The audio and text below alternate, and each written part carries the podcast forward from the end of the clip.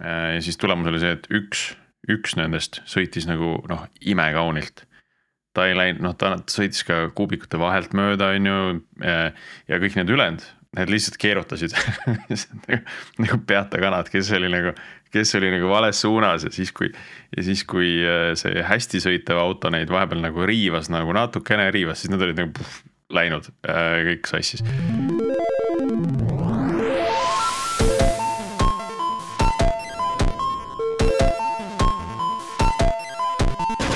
Tere jälle Algorütmi kuulama, eetris on meie kahesaja kaheteistkümnes episood, mille toovad teieni Pipedrive, Nortal ja Veriff. mina olen Priit Liivak ja koos minuga täna taas Martin Kapp. Martin, kuidas sulle siis äh, lumine ilm meeldib äh,? väga tore, see sihuke mott on praegu siin kodukontorist praegu asju teha, et ja seda saadet salvestada, nii et äh, väga hästi on mõjunud vaatad aina aknast välja ja naudid. ja just täpselt. ja Äh, sama siin, suuska veel ei ole alla saanud. ei, ei, no jah, sihuke vee sees suusataja veel väga nagu ei ole, et see esimene entusiast, et tahaks ikka nagu mõnusa ilmaga minna ähm,. ja täitsa huvitav, kuhu see ilm nüüd keerab, ma loodan, et läheb natuke kuivemaks ja külmemaks tagasi, et siis on mm, -hmm. siis on mõnusam olla. sa ootad suusahooaega juba, ma saan aru äh,? tegelikult mitte lihtsalt võib-olla sellist äh, mõnusamat jalakäimise ilma kui, kui ja, praegune. sihuke kuiva jala ilma, ütleme niimoodi, vahet ei ole, kas külmem või soojem, aga kuiva ja, jala ilma. et äh, õnnestus siin sellel nädalal olla ühel avaliku sektori konverentsil Londonis ja peab, peab tõdema, et seal oli täiesti kevad. nii et äh, siia tagasi tulla siis natuke nagu ehmatas ära küll, et, et Gates all libises, et pidi nagu täitsa ettevaatlikult astuma. praegu on ja igal pool on lompe täis. ja kummikuilm täiesti. nii, aga tänase teema juurde. Äh, täna meenutame taas ühte varem alguse saanud siis äh, teemat ja sellest rääkisime esimest korda äh, kaks aastat tagasi ja teemaks siis on tudengivormel, mida, mida siis veab TalTech, ma saan aru. ja külas on meil tudengivormeli meeskonna kapten äh, Kristjan Taimla ja Anna Sihvart, kes on siis isejuhtiva alammeeskonna kapten. Äh, tere tulemast. tere. tervitused. võib-olla alustame sealt, et, äh, et, et saate paari lausega ennast tutvustada ka selle nurga alt, et kuidas te üldse tudengivormelini jõudsite ja, ja võib-olla ka sellesse rolli, et äh, ma eeldan, et kapteni rolli nagu päriselt esimesel aastal nagu ei anta, et see peab olema võib-olla pikemalt seotud mm,. jah, mina tulin kohe esimesel kursusel, liitusin meeskonnaga, nägi väga äge projekt välja. see on siis tegelikult kahe ülikooli koostöös, nii Tallinna Tehnikakõrgkool kui ka Tehnikaülikool. siis ehitavad iga aasta seda isejuhtivat elektrivormelit ja ülikooli õpingute kõrvalt oli nagu väga äge projekt, millest osa saada. nüüd juba neljas aasta siin, teist aastat kaptenina ja põnev on. nii, Anna, kuidas sinuga äh,? mul oli ka umbes sama, et äh, ma olen küll teise aasta tudeng, eks ma olen teist aastat tiimis aga ma kuulsin esimest korda, kuulsingi kuskil gümnaasiumis, kuulsin sellest projektist ja mul jäi, kuidagi jäi see lihtsalt nagu kummitama või nagu kuhugi nagu aju taha nurka. ja siis kohe, kui ma siia TalTechi tulin, siis kuskil lihtsalt nägin kohe orienteerumise päeval nägin neid ja siis kohe tuli nagu see klõks käis ära ja siis mõtlesin, et kandideerin. sain sisse ja no siin ma olen. Äh, läks kõik väga kiiresti kellel, kellel on veel kuulamata meie äh, siis eelmine episood tudengivormeli teemal, täiesti soovitan, see oli oktoobris kaks tuhat kakskümmend üks. ja et kui vist otsida pealkirjaga tudengivormel, see ei pruugi välja tulla. tuleb otsida niimoodi, et Tiit tahab endale vormelit. Äh, siis, siis leiab kindlasti selle üles ehk siis Tiit üritas episoodi vältel mitu korda endale, endale vormelit saada. Äh, kaasa arvatud ta tundis huvi, et kas varasemate aastate tudengivormelid nagu noh, lähevad nagu müüki või, või mida nendega tehakse. Äh, tuleb välja, et ei lähe müüki, võetakse juppideks ja ehitatakse uuteks vormeliteks et tal ei õnnestunud ka niipidi saada seda. kahju, et teda täna ei ole, et ta saaks äh, uuesti natukene siin moosima hakata, et äkki, äkki on asjad muutunud, vaata Su. suure fännina, noh, eks, eks me täna kuuleme, et kui mõni üle on, et äh, Tiit, me paneme sulle kõrvale. et Tiit ise on täna, täna veel treeninglaagris ja, ja loodetavasti siis juba järgmine episood kuuleme, kuidas tal ka seal läks. Nii, aga tudengivormeli teema juurde. Kui me nüüd kaks aastat tagasi rääkisime, siis oli, oli teema selles, et üks selline arutelupunkt oli see, et, et kogu see tudengivormel liigub elektrilise poole, aga veel tervenisti ei ole nagu elektriline, et on veel täitsa olemas see nii-öelda võistlusklass siis kus, kus sõidetakse nagu kütusega. et kuidas, kuidas see täna on, et kas nüüd on kogu see tudengivormeli projekt nagu täiesti elektriline? no nüüd siin kahe viimase aastaga on tegelikult küll äh, Saksamaa võistluse, võistluste reeglistikus päris suured muudatused äh, toimunud. et kui varem arendasime äh, isejuhtivat süsteemi ja elektri nii-öelda vormelit kui kahte eraldiseisvat sõidukit, siis nüüd on reeglite kohaselt sul võimalikud maksimaalsed punktid saavutada vaid siis, kui sul on ühte ehitatud, et sul kõige uuem elektrivormel suudab siis ka ise juhtida ja ah, pen... selline hübriidlahendus peab olema. nii-öelda jah, et suudab mõlemat ja bensukad kaotati, kaotati täitsa ära nüüd, et järgmine aasta nemad enam Saksa võistlusele vähemalt ei saa. Austria, Ungari ja Horvaatia veel, veel võtab. see on ja nüüd on. see on siis sõltub, kus sa võistlemas käid, et siis on erinevad tingimused ja siis ma saan aru, et ikkagi täiselektrini ka ikkagi veel ei ole ei, täiselektriline ikka jah, et äh, ah. nii-öelda Saksamaa reeglistik äh, dikteerib seda põhimõtteliselt ja teised nii-öelda kohanduvad. et äh, hetkeseisuga siis Saksas on ainukesena täiselektrilik, aga, aga vaatame, mis tulevik toob.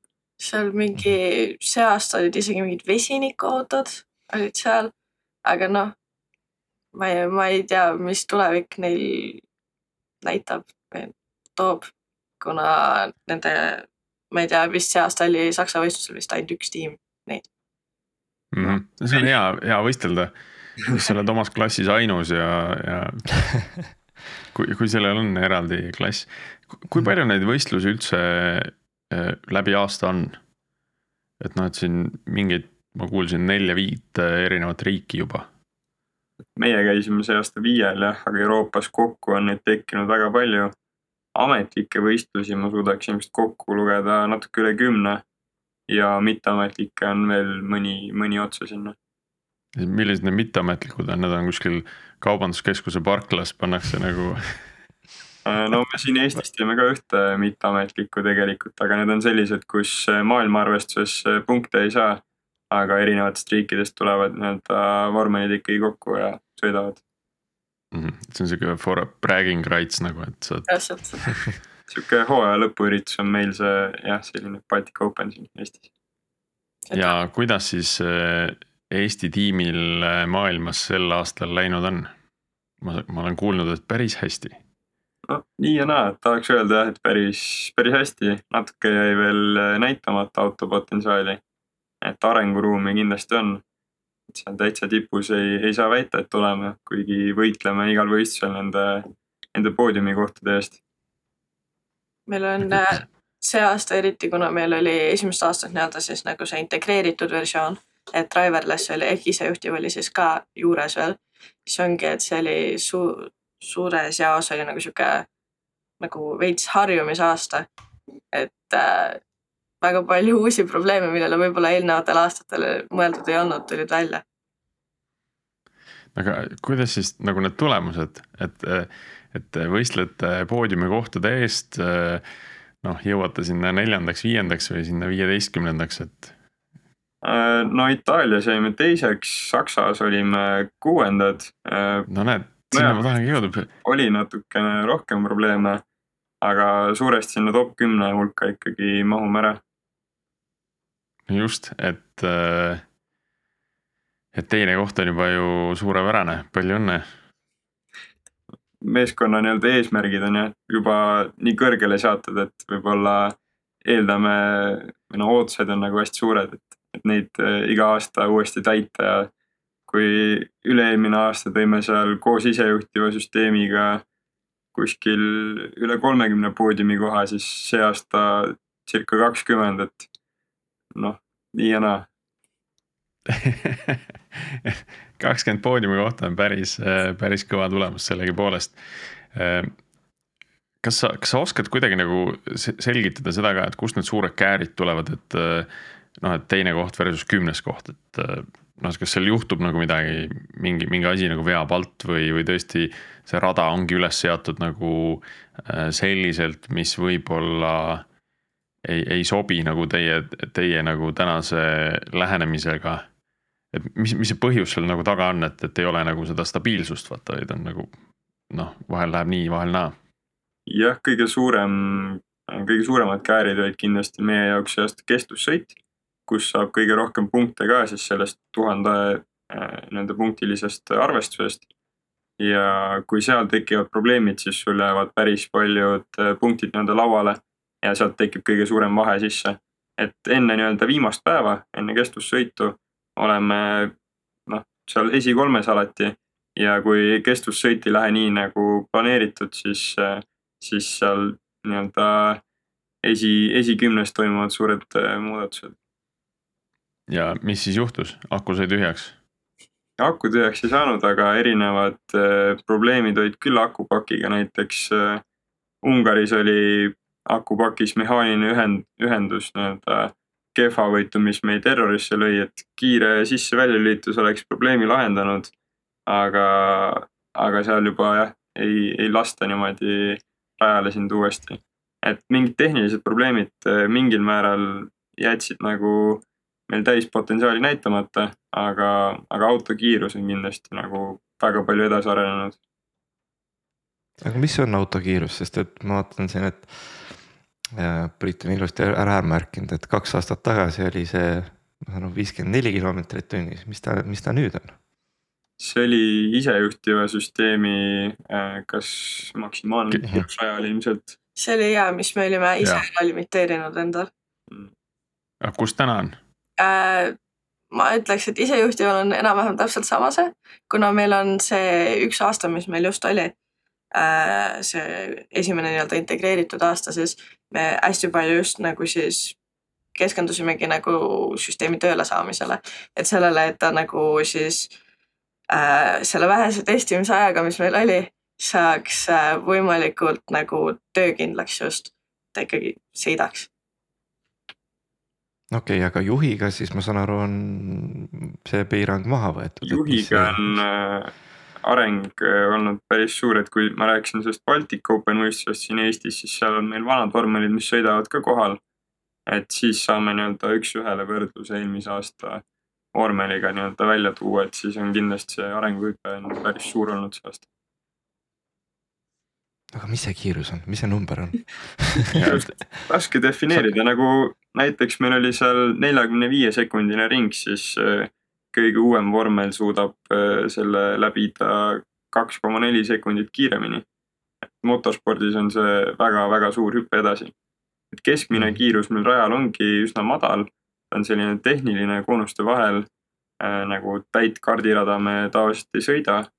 ja tippkiirus on sisuliselt ikkagi ära piiratud, aga, aga noh, seetõttu, et me ei jõua sinna tippkiiruseni juurde kunagi, et mitte tarkvaraliselt, vaid mehaaniliselt just, et äh, ülekandest siis äh, tingituna, mis meil see mehaaniline tippkiirus nii-öelda saab teoreetiliselt olla, on, on siis ülekandeteguriga piiratud. no eelmine episood me ka kuulsime ja õppisime seda, et, et võib-olla see tippkiirus ei olegi nii oluline, vaid pigem just see kurvi läbimise kiirus, kust nagu kõige rohkem aega kaotatakse, on ju. Äh, vähemalt nii meile räägiti, äh, olles nüüd nagu värskelt kuulanud seda aga rääkides kiirustest, et need, kas see mingisugune, ma saan aru, on kestvussõit, siis on nagu noh, kiiruse peale veel mingisugused lühemad sõidud, kiirendusvõistlus ka on või? ja, seitsekümmend viis meetrit otse on ka, et meil ongi staatilised ja dünaamilised alad. dünaamilistel on siis äh, kiirendus, see on kaheksa sõit, kus mõõdetakse kurvisuutlikkust. Siis on kvalifikatsioonid ehk siis äh, kaks ringi aega sõita nii-öelda parim aeg maha, et kestvussõidu järjekord paika panna, selle eest ka punkte. ja siis on see kõige suurem üritus on nii-öelda kestvussõit ja sealt siis nii-öelda aja põhjal ja tarbitud energia põhjal arvutatakse siis sulle efektiivsuspunktid ka veel otsa. tundub ikka sihuke mõnus mitmekülgne asi, et miks ma nagu küsin, on see, et mul sattus hiljuti just ette, sest vist see aasta nüüd hiljuti ka toimus, et tehti ju kiirendusmaailma rekord äh, tudengivormelit Šveitsist vist, kui ma õigesti mäletan või? see oli vist Zürichi tiim Jah. Jah, jah, jah, jah. ja nad on, kusjuures nad on meil isejuhtival on läbi aastate vist ühed kõige suuremad konkurentsid, kuna sama meeskond ikka jah, et neil on suht, ma ei tea, kuidas, kas neil on mingi rahastus või ma ei tea, kust nad kõik saavad selle. Neil on alati on mingi sellised sponsorid ja ma ei tea, mis kõik asjad veel. see on päris, Neil on see kadestamisväärt tehnika, mida teie alati nagu vaatate, et, et millest, millest teie tiim unistab. see on jah, no kindlasti on siin koolitase ka mingil määral võib-olla sees, et see Zürichi ülikool on Euroopa üks, üks eh, nii-öelda parimaid ja kõrgemalt hinnatumaid. et, eh, et võib-olla sealt tulevad ka mingid vahed sisse, aga nii isejuhtiva kui ka siis juhiga vormeli konkurentsis tegelikult jah, saame ikkagi pea igal võistlusel nendega, nendega rajal aegasid vahetada. minu arust see on kaks nagu aastat, eriti magus, eriti magus nagu neile ära panna vahepeal ju. minu arust kaks Mhm. aastat tagasi vist oligi see, kus me, oli aasta, ma ei mäleta täpselt millal, aga me tegime Šveitsi võistlustel vist ise juhtivaga neile ära. ma täpselt ei mäleta, mis võistlus see oli, aga see oli, mind ennast siis küll ti- tiimis ei olnud, aga ma kuulsin eelmiselt kaptenilt, et kuidas see oli, see tunne, et siis, kui sa oled nende just nende süsteemi neid äh, pabereid lugenud ja ma ei tea, kogu oma süsteemi põhimõtteliselt nagu saanud inspiratsiooni nende käest, aga siis ehitad nendest nii-öelda siis parema süsteemi on nagu päris rets tunne. ja seal lihtsalt mul tuli meelde, et neil oli väga, väga huvitav lähenemine, et kuidas nad saavutasid ühest sajani alla sekundi. noh, mis on väga vist kuskil räägitud, et tavaolukorras suht võimatu isegi nagu, aga et nad oota, panid oli äh, tolmuimeja põhimõtteliselt mm Mhm. -hmm. auto alla ja tõmbasid auto vastu maad selleks, et rohkem oleks nagu siis nagu seda hõõrdejõudu, eks ole mm Mhm. -hmm., et auto kiiremini edasi läheks. tead, see on juba, see on juba päris vana lähenemine, kusjuures ma Jah. olen mingit äh, videot näinud nagu, kuidas rallimaailmas nagu on täpselt sama asjaga Aa, katsetatud okei. ja, ja mitte, mitte otseselt nagu kiirenduse mõttes, aga, aga täitsa nagu traditsioonilises rallis, et sa saadki samamoodi jälle seda äh, haardet, haaret nagu parandada ja läbi selle siis ka kurve kiiremini läbida Äh, tulemuseks oli muidugi auto, mis kaalus nagu põhimõtteliselt poole rohkem kui kõik need teised, sellepärast et see mootor nii palju nagu pidi tegelema ka selle, selle ventilaatoriga, mis seal kõhu all oli. aga noh, ütleme märgiline oli see sellegipoolest. Teil ei ole mingit sellist mõtet olnud, et paneks, paneks väikse tolmuimeja kõhu alla, et siis saaks kiiremini tegelikult äh, on ja juba kaks tuhat kaheksateist aasta vormelimajas meil kõhu alt siis äh, ventilaatoritega õhku välja. see oli selline natuke hall ala reeglites, et, et äh, ventikad seal siis olid radikate jahutamiseks ja jahutuse eesmärgil sa võid neid kasutada seal põhja all, aga reeglite poolest see lubatud ei olnud. siis peale kaks tuhat kaheksateist aastat sõnastati see reegel natuke ümber, nii enam teha ei saanud ja siis kaks aastat suuresti oli vaikus nii-öelda tudengivormelis nende ground effect autodega, mis äh, põhja alt siis äh, õhku välja imevad, aga nüüd äh, kas eelmise või üle-eelmise aasta reeglitega see on uuesti lubatud, me oleme ise teinud ka erinevaid analüüse ja nii-öelda läbi mõelnud selle kontseptsiooni, kui me teeksime, lisame selle massi juurde, aga et kui palju me nüüd aega võidame sellest. aga hetkel me oleme otsustanud äh, pigem selle kasuks, et, et ei lisa nii-öelda komplika-, komplikatsioone juurde vormile, kui, kui me ei pruugi sellest nii suurt võitu saada. mm. -hmm. jah, see sõltub, mis see eesmärk on, et selle kiirenduse efekt ilmselt oli väga hea just, eks ole, aga pikas perspektiivis auto raskem, energiakulu suurem, siis jah, et eks ta annab kurvisuutlikkust ka juurde ikkagi, aga jah, ta tarbib äh, energiat, sa pead suurema, kas siis madalpinge aku juurde tegema või suurema akupaki siis, et, et seda süsteemi toita. mm. -hmm. nii nüüd äh, jälle tulles sinna kahe aasta taguse episoodi juurde tagasi, äh, sai toona välja öeldud ja mainitud, et isejuhtiva vormelitiimis kuusteist liiget.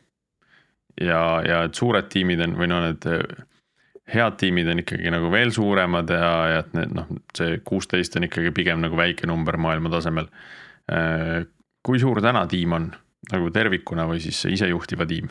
Mm, meil isejuhtiva tiim on see aasta suhteliselt pisike, meil on sihuke praegu vist kokku kümme liiget, et meil on just on, põhjus oli see, et äh, meil nii-öelda siis eelmisest lennust või siis eelmisest aastast läksid päris paljud vanad liikmed äh, läksid minema, et kuna enamik neist lõpetas äh, baka just sellel aastal, et siis äh, eelmise aasta kapten näiteks õpib praegu Taanis ja mingi veel paar tükki on üle maailma laiali.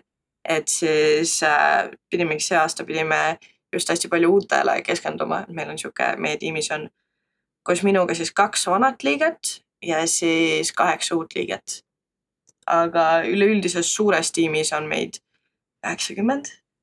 natuke üle üheksakümne, et kui enne oli meil kaks eraldi meeskonda, siis äh, sinna isejuhtiva alla käis ka elektroonikud ja, ja mehaanikud. aga nüüd need kümme inimest tegelevad siis põhimõtteliselt ainult tarkvaraga ja kui me arendame ühte autot, siis äh, mehaanika ja elektroonika on liikunud nagu natuke teiste alammeeskondade vastutuseks ka. Oota, millega need kõik inimesed tegelevad seal, täitsa nagu noh, üheksakümmend, et, et üks saab nagu mingi vedrustuse ja siis optimeerib seda nagu aasta otsa nagu lõpmatuseni ja teisel on nagu mingid, mingid laagrid või mingid ülekandemehhanismid, et noh, et et kuidas teil see töö nagu jaotatud on selle kogu selle üheksakümnelise, ma mõtlen nagu üheksakümne pealise tarkvaraarendustiimi peale, et noh, et see tööjaotus ei ole lihtne. Äh, et noh, teil on mingis mõttes tootearendus täpselt samamoodi, on ju, et küll on, küll on seal nagu tehnilisi kompetentse ja siis on äh, kümme, kümme inimest tegelevad selle isejuhtimise süsteemidega. aga millega siis need, millega need kaheksakümmend tegelevad seal? Jah, meeskond on päris suureks kasvanud, aga me oleme väga spetsiifiliseks ka läinud oma süsteemidega. et auto küljes on üle kahe tuhande viiesaja erineva detaili ja neid äh, süsteeme laiali jagada on, on omajagu et noh, kui sa tõid välja vedrustuse, siis äh, keegi tegeleb äh, näiteks roolisüsteemi hammasülekandega, järgmine mees mõtleb see, kuidas, kuidas isejuhtivaks teha, kuidas sinna see mootor integreerida. Teine mees võib-olla teeb pedaalisüsteemi, kolmas teeb pidureid. mõni mõtleb nurgakoostööd, neid süsteeme tuleb väga-väga palju auto peale kokku ja kui sul on aega tegeleda enda asjaga, siis see saab parem ka, et kui sul on päris spetsiifilised need asjad. ega meil tegelikult ei ole aasta otsa aega ka, et kui me tuleme siin augusti lõpus võistlustelt tagasi, siis äh, detsember esimene, mis, mis on kohe ukse taga, äh, peab juba uus disain lukus olema.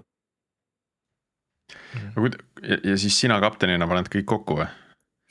ei, see on ikkagi terve meeskonna töö, et äh, ma jälgin kogu seda protsessi, üritan üritan aegadest kinni pidada, et me jõuaksime nende, nende tähtaegadeni, mis meil ette nähtud, me endale seadnud oleme. ja et need eesmärgid saaksid täidetud. no kuidas on, nädala pärast on valmis kõik jah äh,? Jah peab olema, peab saama. et tegelikult oleks huvitav nendest metoodikatest ka kuulda, et äh, noh, et mis laadi, kas teil on nagu mingid ühised koosolekud, kas teil on mingeid retrokoosolekuid näiteks teete stiilis äh, peale võistlust tulete kokku, vaatate, analüüsite, teete plaani, mida nagu muuta, mida, mis, mis läks halvasti, mis läks paremini. Äh, et mis need regulaarsed nii-öelda rutiinid on, mida, mida üks selline tiim nagu läbi teeb? jah, peale testimisi, peale võistlusi kindlasti debrief on hästi tähtis osa, et pead aru saama, miks, miks halvasti läks või miks hästi läks aga koosolekuid me teeme ka üsna palju, et kui meil on kaheksa erinevat alammeeskonda, siis äh, iga, iga alammeeskond saab korra nädalas vähemalt kokku. Siis minul kasvab nende koosolekute hulk päris suureks, et iga õhtu teeme sisuliselt. ja, ja üldkoosolekuid ka, et neid tuleb kokku palju, aga sihuke suhtlus ja pidev kommunikatsioon on hästi tähtis, et me oleksime kõik sama, sama nagu lehe peal, töötame sama eesmärgi nimel ja, ja nii-öelda kellelgi midagi muutub, siis see muudab põhimõtteliselt kõigi teiste süsteeme ka mingil määral. et üksteisega peab väga palju arvestama siis. kas seal sellist? tundub, sorry, ütle. ei, ma tahtsin hästi kiire küsimuse, et kas, kas seal sellist nagu vastupidi, vastutöötamist on ka tulnud ette, et noh, et. et üks, üks optimeerib enda alamsüsteemi, teine optimeerib oma alamsüsteemi ja siis, kui nad pärast kokku pannakse, siis tuleb öelda, et aa, et koos see üldse nagu ei tööta paremini, et. no selle jaoks meil on alammeeskonna kaptenid, peainsener ja, ja meeskonna kapten, kes üritavad seda protsessi nii palju siis jälgida, et neil endal spetsiifilist ülesannet tavaliselt ei ole, et mina ei tee mingit kindlat äh, süsteemi auto küljes hetkel. küll, küll tekib neid asju, aga, aga nii-öelda üritame siis seda suurt pilti jälgida, et ei tekiks, ei tekiks selliseid olukordi. nii, Martin, mis sa tahtsid küsida? jaa, ma tahtsin, kuulan siin ja et see, see on nagu ikkagi tundub peaaegu nagu täistöökoht, et palju te sellele nagu aega panete, et, et see on tudengivormel, et tudengid nagu peaks õppima või midagi sihukest ka nagu tegema vahepeal kuidas teil see ajajaotusega on, et sa, et näed, jõuate kõike teha üldse või, või kuidas, kuidas see osa on?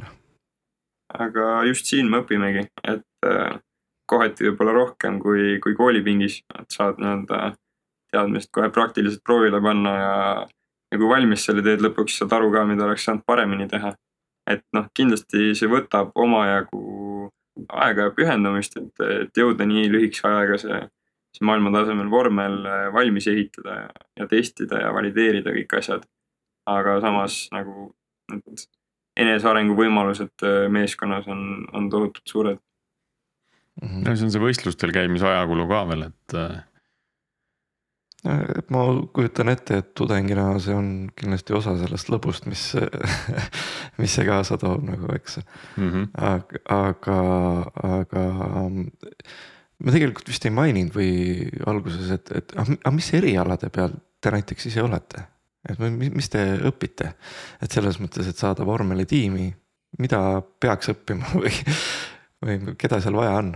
Tegelikult väga vahet ei ole, mis äh, eriala sa õpid, et mina ise olen näiteks tootearenduse ja robootika peal, aga siis olen puhtalt siis driverlessi ehk siis proge peal. aga ma ei tea, seal. no meil on seal tootearenduse erialad on, on päris palju tudengeid. Äh, sinna tullakse ka väga, väga suurtes kogustes, et, et seetõttu ka samas elektroenergeetikud, mehhatroonikud IT-teaduskonnast on inimesi informaatika pealt, samas mõni meil õpib teedeehitust ja teeb aerodünaamikat, et see ei ole nagu otseselt seotud, et nii kaua, kui endal huvi on ja, ja tahtmist ja aega, siis, siis saab siin teha kõike. ja ma just tahtsin küsida, et kas füüsikud on ka platsis, et, et, et seda analüüse ja kõiki neid asju teha, et. rakendusfüüsika erialalt on meil paar helgemat pead küll jah, kes näiteks juhtimissüsteemi või, või mingi väga väga füüsili-, füüsikaliste mudelitega töötavad siis. tundub sihuke mõnus kirju seltskond ka, et kui võib-olla ma ei tea, palju teiste erialade inimestega muidu kokku puutuks, noh mingitel üritustel, aga et siis. see on nagu veel üks koht, kus saab nagu sihuke sidemeid luua, ütleme nii. ja meil on näiteks see ka, et eriti, et noh nagu te enne ise ka ütlesite, et siis noh, kooliks jääb tegelikult natukene vähe aega, aga ongi niimoodi, et kuna sul on, näiteks mul on, ma arvan, et väga mingi veerand kursust, ma arvan, et on tudengivormelis või siis vanema, vanemad liikmed eriti. et siis ongi see, et kui sul on mingi abi vaja mingi asjaga, et siis nad on kohe olemas ja saad nendelt palju kiiremini selle abi kätte, ma arvan, et kui versus sellega, et sa lähed mingi kirjutad õppejõule või midagi sellist. Nad on kõik selle läbi teinud, ehk neil on materjalid olemas, neil on kõik see teadmised juba olemas, millega sind aidata. Eksami küsimuste vastused on olemas nii, äh, kaks aastat tagasi oli isejuhtivas autos üks arvuti, äh, mis jooksis, mis jooksutas Ubuntut ja mingit portsu C rakendusi, mis erinevaid rolle täitsid mm. -hmm. ja oli ambitsioon saada, saada autosse kaks arvutit uh,. meil on endiselt üks arvuti uh, meil ongi see, et äh, võib-olla meil need nii-öelda prioriteedid natukene muutusid, siis kui me otsustasime, et me läheme selle ühe auto peale kokku, et siis nüüd ongi hästi palju on just selles, et äh, oleks kõik kättesaadav, kõik oleks nii-öelda siis äh, töökindel, hea ja võimalikult siis noh, pisike ja kerge. et äh, meil praegu on endiselt on üks arvuti, meil ei ole enam see, meil minu arust varem oli mingi Nvidia oma, see AGX, jah, aga siis nüüd on meil puhtalt siis nagu enda poolt kokku pandud, et valitud kõik äh, prose, emaplaat, kõik on meie enda poolt siis nii-öelda mix and match itud, mõni võiks öelda, et äh, nüüd selleks aastaks valime veel uue arvuti, et meil oligi, et eelmine oli sihuke suur ja ta oli täpselt niimoodi siis sideboard'i ehk siis seal tiiv kõrval. Difuusoris nii-öelda aerodünaamika tiiva sisse peidetud oli see arvutikast meil. aga siis selle kas, kätte kas see kasutati, seda kasutati nagu jahutusena ka või, et see, see hoog, mis sealt tiiva alt läbi jooksis, jahutas arvutit või? kuna meil jooksis äh, jahutusvoolikud sealtsamast kõrvalt, siis me tegime vesi, vesijahutuse peale selle arvuti. Nice, väga mõistlik. väga mõistlik. Sorry, katkestasin sind. aga no ongi see, et see, kusjuures see vesijahutus oligi see asi, et äh, meil oli selle jaoks, et seda arvutit sealt päriselt seest kätte saada, läks mingi poolteist tundi aega, et kõigepealt see kätte sealt saada ja siis pärast poolteist tundi, et veel seda tagasi panna. ehk siis oligi, saimegi, õppisime oma vigadest ja saime aru, et see ei ole väga sihuke jätkusuutlik lahendus, et eriti võistlustel või siis, kui on need kiired testimisperioodid, et siis tuleb hakata mingi tervet äh, tiiba lahti võtma, et see on suht- aga miks sa seda kätte tahad saada üldse, mis see põhjus võib olla seal? seal ongi näiteks meil see aasta proovisime endale nii-öelda kogu seda enda sellele driverless arvutile siis ka siukese nagu telemeetria teha, et saadagi ühendada läbi wifi. Ja siis sul ongi, et sa pead need antenn, sa pead võtma arvuti välja, pead antennid sisse panema, onju, ja siis pead testima. Või siis on mingi, ongi vaja erinevaid asju, et näiteks ma ei tea, tahad arvuti peal otse midagi testida, tahad, ma ei tea, vaadata, miks mingi, ma ei tea, mingi asi kuumeneb üle või mingi, mingi jälle mingi juhtmestus või mi- mingi asi on katki, et siis alati peab nagu lahti võtma. et see on tüütu ja jube tegevus, kui sul on vaja kõik see juhtme, õigemini see voolikud sealt eest enne ära võtta. Tundus nagu jube hea mõte et palju sa seda ikka välja võtad, et paned sinna tiiva sisse, ta on seal peidus ja, ja massi kestmele hea ja suht veekindel koht ka, et ei ole nagu väga lugu, aga noh, see aasta enam nii ei mõtle. aga mis siis, mis siis uus lahendus on? praegu tuleb ilmselt monokoki sisse seina peale kuskile, mahutame ära ta, tekitasime endale ruumi juurde. Ta tuleb päris niisugune pisikene ka, et me vahetame kõik asjad jälle välja. meil tuleb seekord niisugune hästi, ma ei tea, mis ta oli, kümme No, korda kümme- sentimeetrit Mhm. emaplaat. ja siis tuleb ka mingi AMD uus prose ja kõik siukesed uued ägedad asjad. no näed, see on uuendus ikka omajagu. jah, ikka on. ta ongi, et nüüd ma loodan, et kui ta on nüüd see pisikene seal niimoodi seal monokoki seina peal, et siis ei pea olema iga kord, kui mingi asi on kogemata kas lahti jäänud või midagi, siis ei ole jälle see, et kes nüüd saab mulle palun jahutuse lahti võtta. Mhm. jah, seda hooldatavust on kindlasti üks eesmärk parandada, et see nii-öelda seda vähest testimisaega, mis meil ette nähtud on, siis suudame maksimaalselt ära kasutada, et et kui mingi probleem on, siis saadki selle minutiga kätte, sealt ei ole jälle poolteist tundi vaja aega alla panna. Ja kas te arvutasite kokku, et mitu tundi te kulutasite arvuti äh, sisse ja välja võtmise peale? ma arvan, et meie tervise jaoks ei ole väga hea. see, see ei number, tahagi välja arvutada. jah, see number tuleb natukene suur, ma kardan. las ta jääb siis. Kristjan hakkab, võtab Exceli lahti. ei, ma, ma võtan äh, eelmise aasta logid ette serverist, mis meil äh, testimisel oli, siis äh, tegelikult seda testimisaega, noh, teda on vähe, aga me suutsime seda päris hästi ikkagi ära kasutada, et noh, öösel ei käi väga sõitmas, siis üritame nagu mingid mehed hooldavad ja, ja tegutsevad ja siis järgmine päev on äh, juba kaksteist, et siin maikuus kahekümne nelja päeva jooksul käisime üle kolmekümne korra testimas, et, et neid erinevaid teste tuli tegelikult väga-väga palju. jõudsime kas tähendab, et kas siin iga kord siis enne seda ja pärast seda pidi siis lahti ja ei, kinni ühendama? nii palju kindlasti.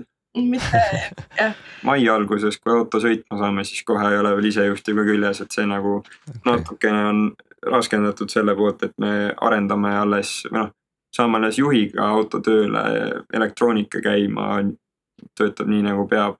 ja siis peale seda hakkame isejuhtivat integreerima, et, et väljakutse kindlasti on see kaks üheks ehitada see on ja see on sihuke huvitav meie poolt ka, et me varemad, varasematel aastatel võib-olla ei olnud nii palju keskendunud just sellele, et mingi testide optimeerimine ja et just, et seda testimisaega võimalikult lühikeseks saada, et ongi mingid noh, saada kasvõi mingeid parameetreid kuskilt auto pealt vahetada või niimoodi.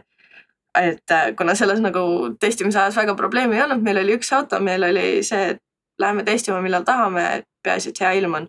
aga siis oligi, et see aasta oli see, et äh, see kogu auto ju peab enne valmis saama, et kui see nii-öelda juhiga sõitev auto ei ole valmis ja et seal omad süsteemid ei tööta, siis mis mõtet meil on üldse enda omi äh, nii-öelda mittetöötava auto peal testida, et me ei saa ju enda omi niimoodi siis ka tööle. et äh, oligi, et niisugune väga huvitav katsumus oli, et äh, kuidas seda nii-öelda ümber optimeerida ja kogu see testimise aega see aasta proovime nagu võimalikult lühikeseks ja nagu optimeerituks teha. et saadagi mingid, kasvõi mingid MPC parameetrid või mingeid asju kohe sealt äh, niimoodi dash'i pealt või nagu siis ekraani pealt vahetada autol. Ja ülesanne läks ühes nagu huvitavamaks, me eelmine kord rääkisime ka sellest, et et autol on need Eco ja turbo need nupud on sees ikkagi, et, et saaks nagu seda režiimi muuta. või noh, pea, ütleme piltlikult öeldes ähm,. nii äh,, mina pean ütlema, mina käisin äh, siin mõni aeg tagasi äh, Robotexil. Ja, ja kaks huvitavat asja, mis seal olid, oligi tudengivormel, seal oli see auto täitsa nagu stand'i peal oli väljas vist. ma küll ei tea, milline neist, aga no äh, see üks, mis oli, oli täitsa muljetavaldav seal. ja teine äge asi oli S-Cube.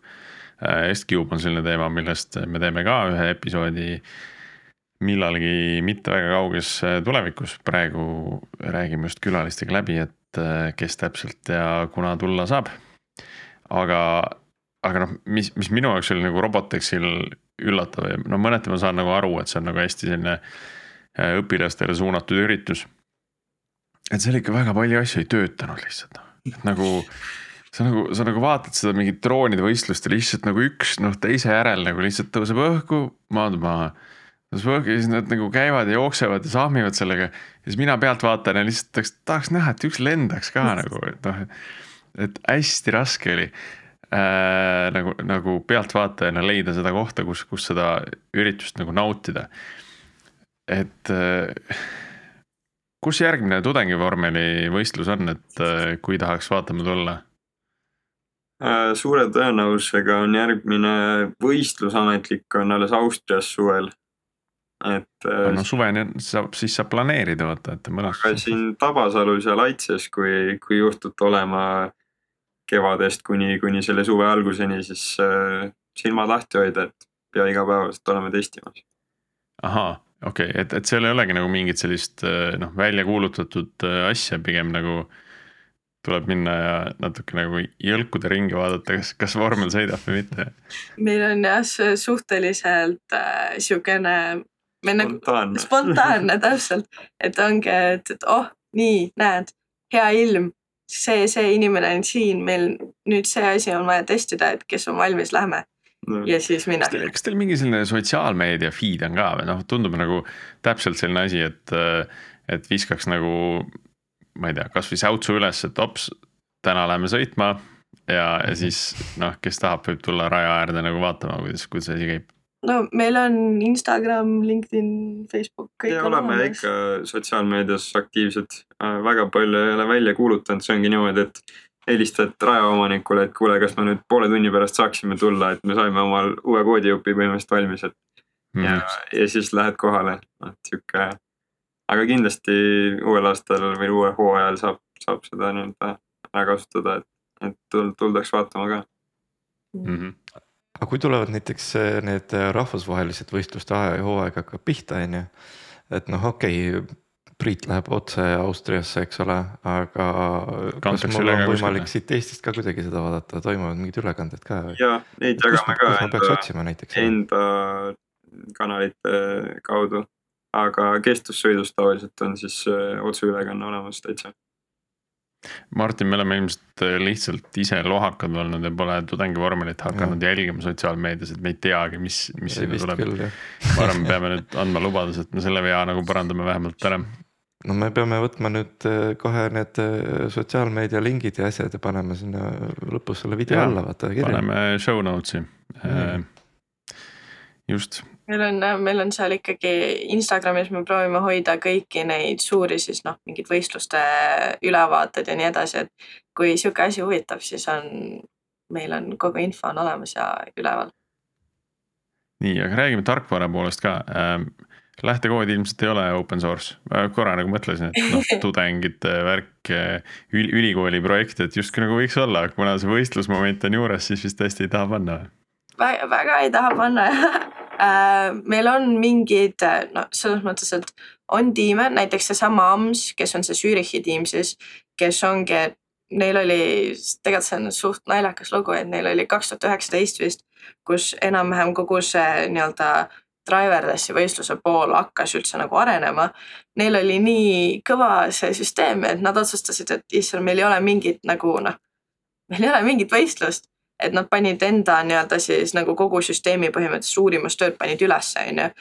aga no meil on niimoodi, et meil mingitest süsteemidest võib-olla, kes on vanad liikmed, on teinud oma uurimustöö sellest. et siis on nagu mingid, võib-olla mingid koodiõpikesed on seal uurimustööd, avalikes uurimustöödes on üleval. aga nagu oma koodi väga jah jagada ei taha, sellepärast et äh, alati on tiime, kes võiks natukene ära kasutada seda. nii kui me nüüd äh, kaks tuhat kakskümmend üks sellest rääkisime, siis äh, käis läbi selline termin, et, et tahaks üle minna mudelipõhise juhtimise peale. Mis, mis sellega vahepeal juhtunud on või kas see plaan on endiselt alles? meil oli, kusjuures meil üks nagu suurimatest plaanidest vahepeal oli see, et äh, minna see nii-öelda selles mõttes mudelipõhisele nagu juhtimisele, et äh, mis äh, see ise, iseõppiv nii-öelda siis mudel, et Mm -hmm. ma saan nüüd õigesti aru, et äh, et mis saabki aru, et näiteks, et oh, nüüd on rada on mingi vihmane, on ju, või siis siin on näiteks mingi gripi vähem ja nii edasi, on ju, et just see nagu iseõppiv rattamudel, et äh, hästi palju. aga me oleme sinnapoole pürginud, meil veel päris valmis see ei ole, et meil on natuke teistes kohtades oleme läinud praegu arenduses ettepoole. et aga see just see mudel ise, iseõppiv mudel siis, see on kindlasti meile on nii-öelda kontseptis ka on suht niimoodi tihti on kirjas, et minu arust eelmisel aastal oli ka, et see on natuke raskem, kui me alguses oskasime arvata. aga see saab, varsti saab tehtud küll. et, et siis äh, kuulajatele, kes eelmist episoodi pole kuulanud, selgituseks, et, et see, et see idee oli siis selles, et, et see isejuhtiv esimese ringi, ma saan aru, sõidab pigem rahulikult, kus ta õpib seda, õpib seda rada endale selgeks. ja, ja seejärel ta siis äh, teeb endale justkui mingi plaani ja, ja sõ- sõidab selle raja läbi nii-öelda kiiremas tempos, et tal on see rada juba nagu olemas, on ju. meil ongi nagu noh, peaaegu samamoodi nagu siis nii-öelda see juhiga sõitmisel, meil on ka nii-öelda see kvalifikatsioon ja siis see kestvussõit. aga meil ongi see kestvussõit on siis nagu kümme ringi täpselt sama rada. ja siis meil oligi, meie auto siis sõitis seda nii, et esimene ring sõidab niimoodi rahulikult, ta vaatabki üle, et noh, map ib kogu, saab kogu oma selle kaardi kätte, lokaliseerib ennast, mõtleb kõik asjad ära, trajektoori ja nii edasi ja siis hakkab võimalikult kiiresti sõitma et siis olekski, et kui ta suudab, suudaks selle nii-öelda rattamudeli ka ära optimiseerida, et siis oleks noh, meil oleks need iga ring, mis läheb, oleks nagu järjest kiirem, kiirem, kiirem ja parem. jah, et see, et see rattamudeli optimeerimine on siis äh, selle põhjal, et kui ta tunneb, et ta mingis kurvis võib-olla natuke liiga palju libiseb, et siis ta teeb, teeb seda kurvi teistmoodi või ta tunneb, et seal on nagu ruumi, ruumi rohkem nagu anda noh, kiiremini läbi minna, on ju, et, et pidavus on väga hea, et siis ta jälle suudab nagu äh, kompenseerida, eks ole, et see on see plaan jah, et siis olekski, et see kusjuures on meile väga kasulik ka näiteks äh, kiirenduses. meil on kiirenduses on see selline reegel, et kui sa, auto peab ise seal äh, joonel siis nagu pidurdama ja ta ei tohi minna koonustest välja. minu arust koonustele vist vastu võib minna, aga välja kindlasti ei tohi et äh, sellega on alati probleeme, et kui ta pidurdabki, siis ta läheb näiteks, oletame, et ongi just vihma sadanud või midagi. et siis ta just lähebki slippi ja võib välja slipida sealt. et aga olekski see, et kui meil oleks nagu see nii-öelda see rattamudel ka optimis-, optimeeritud niimoodi, et siis võib-olla ta suudaks ka kompenseerida seda kiirenduse nii-öelda pidurdust paremini. Mhm. kui äh, täpselt äh, ma ei tea, kas selles osas on midagi muutust äh, olnud, aga et kui täpselt ta näiteks seda teed kaardistab, et äh, kus on näiteks, ma ei tea, mingi liiv või sodi või mingi asi, et kas ta sihukesest asjast saab aru või ta ikkagi pigem nagu lihtsalt, et. vaatab rajaäärseid koonuseid lihtsalt. me oleme ja no ütleme nii, et meil tehniliselt nagu võistlustel on väga vedanud sellega et ikka vaadatakse üle, et raja peal mingit sihukest niisama sodi, puru, ma ei tea, mida kõike veel ei oleks. et siis ongi, et meie olemegi vaadanud, et ta suudab just need koonused ära võimalikult täpselt mm. siis kaardistada. et võib-olla selles kvalifikatsioonisõidus ehk autokrossis nii tähtis ei ole. et äh, see oleks nüüd nagu nii, nii, nii, nii täpne, on ju. aga nagu selles äh, kestvussõidus on küll see, et mida ta peab ju kümme, kümme ringi ära sõitma, et kui kaart on ebatäpne, siis läheb enda lokaliseerimine seal ebatäpseks. ja ma ei tea, kümne ringi pärast ta on kuskil, ma ei tea, teisel pool rada on ju, mingi teisel pool platsi õigemini. et äh, mm. seal on jah, et see koonuste, koonuste lokaliseerimine nii-öelda kõige tähtsam. meil ongi, et see aasta oligi üks suur probleemidest võistlustel oli ka, et me läksime uue selle slam'i algoritmi peale nagu siis nii-öelda uuema ja parema, mis on tehniliselt on jälle nagu iga asjaga on, et nii-nii palju parem on ju, nii-nii palju optimiseeritum, parem arvutile, kergem arvutile, kõik on nii palju täpsem ja ma ei tea, mida kõike veel. aga siis tulevad mingid huvitavad vead välja, huvitavad mingid, et ma ei teadnudki, et ta hoopis nagu see parameeter tegelikult lennutab mingi arvuti kõik asjad õhku ja ma ei tea, mis kõike veel. on täitsa sellist asja ka juhtunud jah? No mitte nii ekstreemselt, see oli natukene üle mängitud, aga jah, et äh, meil oli võistlustel oli küll see, et vaatad kaarti on ju, et vaatad, et aa, et kõik peaks perfektne olema, aga siis vaatad, et aa, et tal on näiteks see nii-öelda covariance ehk siis see nii-öelda ebatäpsus või mõõtemääramatus on nagu täiesti laes, et pole õrna või kuidas, miks, mida et nagu, et kõikidel test, testidel eelnevalt oli kõik perfektne, aga nüüd järsku on mingi, ma ei tea, mis arvab, et ta on mingi teisel pool rada, on ju. et see uue, uue tehnoloogia sissetoomisel alati see risk on olemas, vahet ei ole, kas siis, kas siis sisse tuuakse tarkvara või uus riistvara komponent on ju, et. et tundub, et teid tabab see samamoodi ja, ja tegelikult äh, ma arvan, et need valikud, mis te teinud olete, et, et pigem nagu noh, mitte üle pingutada nende kõikide muudatustega, et noh, teeme kõik muudatused ühel ajal ära, on ju, et see äh, siis. see, see ongi nagu mõistlik, vastasel juhul lihtsalt jääbki kuskil üks aasta vahele, sest äh, auto ei saa õigeks ajaks valmis, on ju. et teil seda luksust nagu ei, ei ole. et kõik, kõik võiks ikka rajale jõuda, muidu on, muidu on natuke nukker.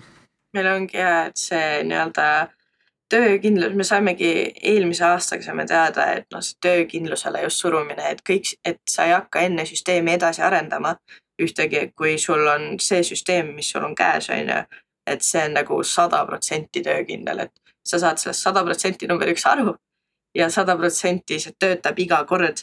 et ei ole niimoodi, et, et ma ei tea, et kakskümmend protsenti ajast ta lihtsalt ütleb üles, et mingi imelik error on ju et äh, see pole lahendus, et sa teed arvust, arvutile restardi või midagi, et sul peab olema ikkagi see, et äh, ta jookseb iga kord. ei ole mingeid imelikke asju seal kuskil vahel mm. -hmm. no vot, et see oli ka asi, mida ma seal Robotexil hästi palju nägin, kuidas neid restart'e käidi tegemas lootuses, et midagi muutub. Ähm, jah, meenub seal ka mingi selline takistusraja läbimine, kus äh, olidki väikse, väikesed sõidukid pidid seal. Küll oli sinna kuubikuid maha kallatud, küll oli kallakut üles-alla kurve erinevat pidi, mitu seda robotit pandi korraga peale. Äh, ja siis tulemus oli see, et üks, üks nendest sõitis nagu noh, imekaunilt ta ei läinud, noh, ta sõitis ka kuubikute vahelt mööda, on ju. ja kõik need ülejäänud, need lihtsalt keerutasid nagu peatakanad, kes oli nagu, kes oli nagu vales suunas ja siis, kui. ja siis, kui äh, see hästi sõitev auto neid vahepeal nagu riivas nagu natukene riivas, siis nad olid nagu puh, läinud äh, kõik sassis. Äh, aga jah, see üks, üks nagu tegi nagu, tegi oma tööd väga kenasti, nii et, et ma loodan et äh, tudengivormel on rajal rohkem nagu see, see üks, äh, mis tõesti nagu imekaunilt sealt äh, graatsiliselt kõikide takistuste vahelt läbi lipsas, mitte nii palju need teised, kes siis nagu no, suvalisel hetkel lihtsalt seisma jääb. eks me proovime ja meil on jah, see äh, ega see learning curve nii-öelda on meil suhteliselt suur, kuna meil tulevad just võib-olla ongi, et vormelil ongi hästi suur meil äh, alati iga-aastane nii-öelda see nii-öelda raskuspunkt on see, et vanad liikmed ju lähevad ära, uued liikmed tulevad asemele, uued liikmed ei tea mitte midagi. et ongi, et äh, siis ongi oma see teadmiste edasiandmine. et äh, sul võib ollagi, et näiteks meil ongi mingi üliäge NPC üles ehitatud, aga kui vana liige, kes ehitas selle üliägeda NPC, läks ära ja nüüd on uus, kes on võib-olla alles esimese aasta informaatika tudeng, vaatab sellele peale, on nagu, mis asja. siis ongi, et äh, sihukeste asjade vältimine on suhteliselt raske, aga tuleb ära teha. aga mida te, mis võtteid nagu täna tudengivormel rakendab selleks, et noh, ilmselgelt hästi hea dokumentatsioon äh, aga ma ütleks ka heal ja heal dokumentatsioonil on vahe, on ju, et kas sul on lihtsalt hästi põhjalik või, või selline nii-öelda ilus ja nauditavalt loetav dokumentatsioon, mis kõigile on selgelt nagu arusaadav. Või, või on seal nagu mingeid muid võtteid veel, et noh, ilmselgelt mingid onboarding'u koosolekud, kus nagu tutvustatakse neid olemasolevaid asju uutele liikmetele. aga kas, kas on midagi nagu noh, mis, mis võib-olla nagu kohe ei tule pähe, et kui, kui teie liitusite, siis vaatasite, et oh päris hea, et see, see oli kihvt asi nagu, mis me tegime, et ma sain hästi kiiresti hästi palju targemaks äh,? no meie nagu meil just siis Driverlessis on niimoodi, et äh, ma tunnistan, meil on natukene selle dokumentatsiooniga natukene halvasti. aga me proovimegi iga aasta proovime sellega järjest paremaks ja paremaks minna, et äh, kuidas meil näiteks see aasta on ja varasematel aastatel ka, et kohe esimese asjana antakse uutele, teemegi nagu tööpäevakud, ehk siis ongi, et oleme, saame mingi nädalavahetusel terve päev kokku, oleme, et äh, sina nüüd oletame, et ongi, et noh äh,, kontroll siis äh, algoritmi mees on juhtimismees ta, talle anname siis nii-öelda lihtsama ülesande enda versioonist, et kui näiteks meie sõidame muidu MPC peal, on ju, mis on tegelikult päris raske aru saada uuel inimesel. mis see MPC on, pikalt lahti ütle äh,? Model Predictive Control ehk siis põhimõtteliselt ongi mudeli põhjal arvutatud siis nagu kontrollalgoritm. et äh, see on väga-väga äh, pikk väga,, väga-väga raske asi, et seal on äh, väga-väga palju kõrgemat matat ja muud matat taga, et kohe nende kõikide valemite, asjade, mudelite arusaamine võtab päris kaua aega. et meil ongi, et sihukese jupi ase andmine kohe uuele on suht võimatu tegevus, ma arvan.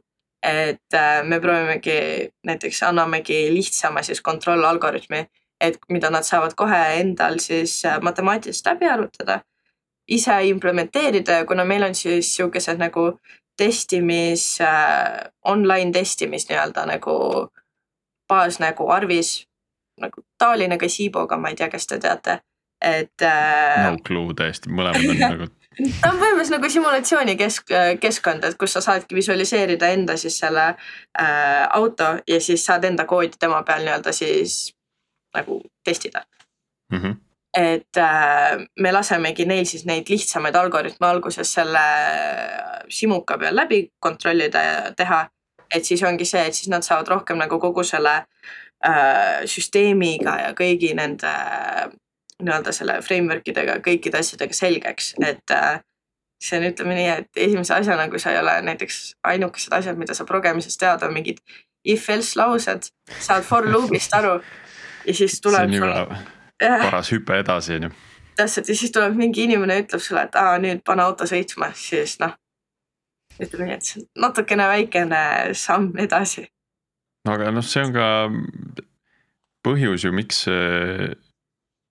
noh, ütleme sinna on tulnud vastavad inimesed, kes on äh, vastavad katsed läbinud, et neil noh, see võimekus selleks on, on tegelikult olemas ja seda on ka ju aeg näidanud, et. et tudengivormel on edukas olnud, mis, mis tähendab, et seal on kõik äh, talendid koos, kes, kes sellega hakkama saavad. jah, eks me proovime jah, meil on äh, kusjuures kriteeriumid, et saada on nagu nii-öelda tehnilised kriteeriumid on suhteliselt tegelikult väikesed. et mida me vaatamegi, ongi see, et neil on motivatsiooni just, et äh, käia kohal, teha asju. et äh, väga palju just võib-olla kevadel ja testimisperioodil on sihukesed, sihukeselt, et näiteks noh, teistel on alati mingi kas sess või midagi, saavad just nii-öelda puhata. et aga meil on see, et hommikul kell üheksa on vaja olla laitses meil on vaja, et inimesed äh, tuleksid meile appi, viiksid, ma ei tea, koonuseid paneks, on ju. ja siis terve päev olla seal nii-öelda auto taga ja nii-öelda siis progeda. selle jaoks on päris palju tahtejõudu ja sihukest äh, motivatsiooni just vaja.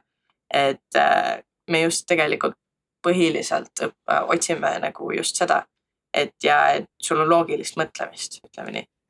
et see on suhteliselt kasulik nii, aga äh, Kristjan, ma küsin sinu käest selle ka ära, et kuidas siis, äh, kuidas siis tudengivormeliga liituda saab, et kui nüüd mõni meie kuulajatest nagu äh, läks elevile sellest ja, ja tõesti nagu tunneb huvi selle teema vastu äh,. mida siis tegema peab, kuhu, kuhu pöörduma?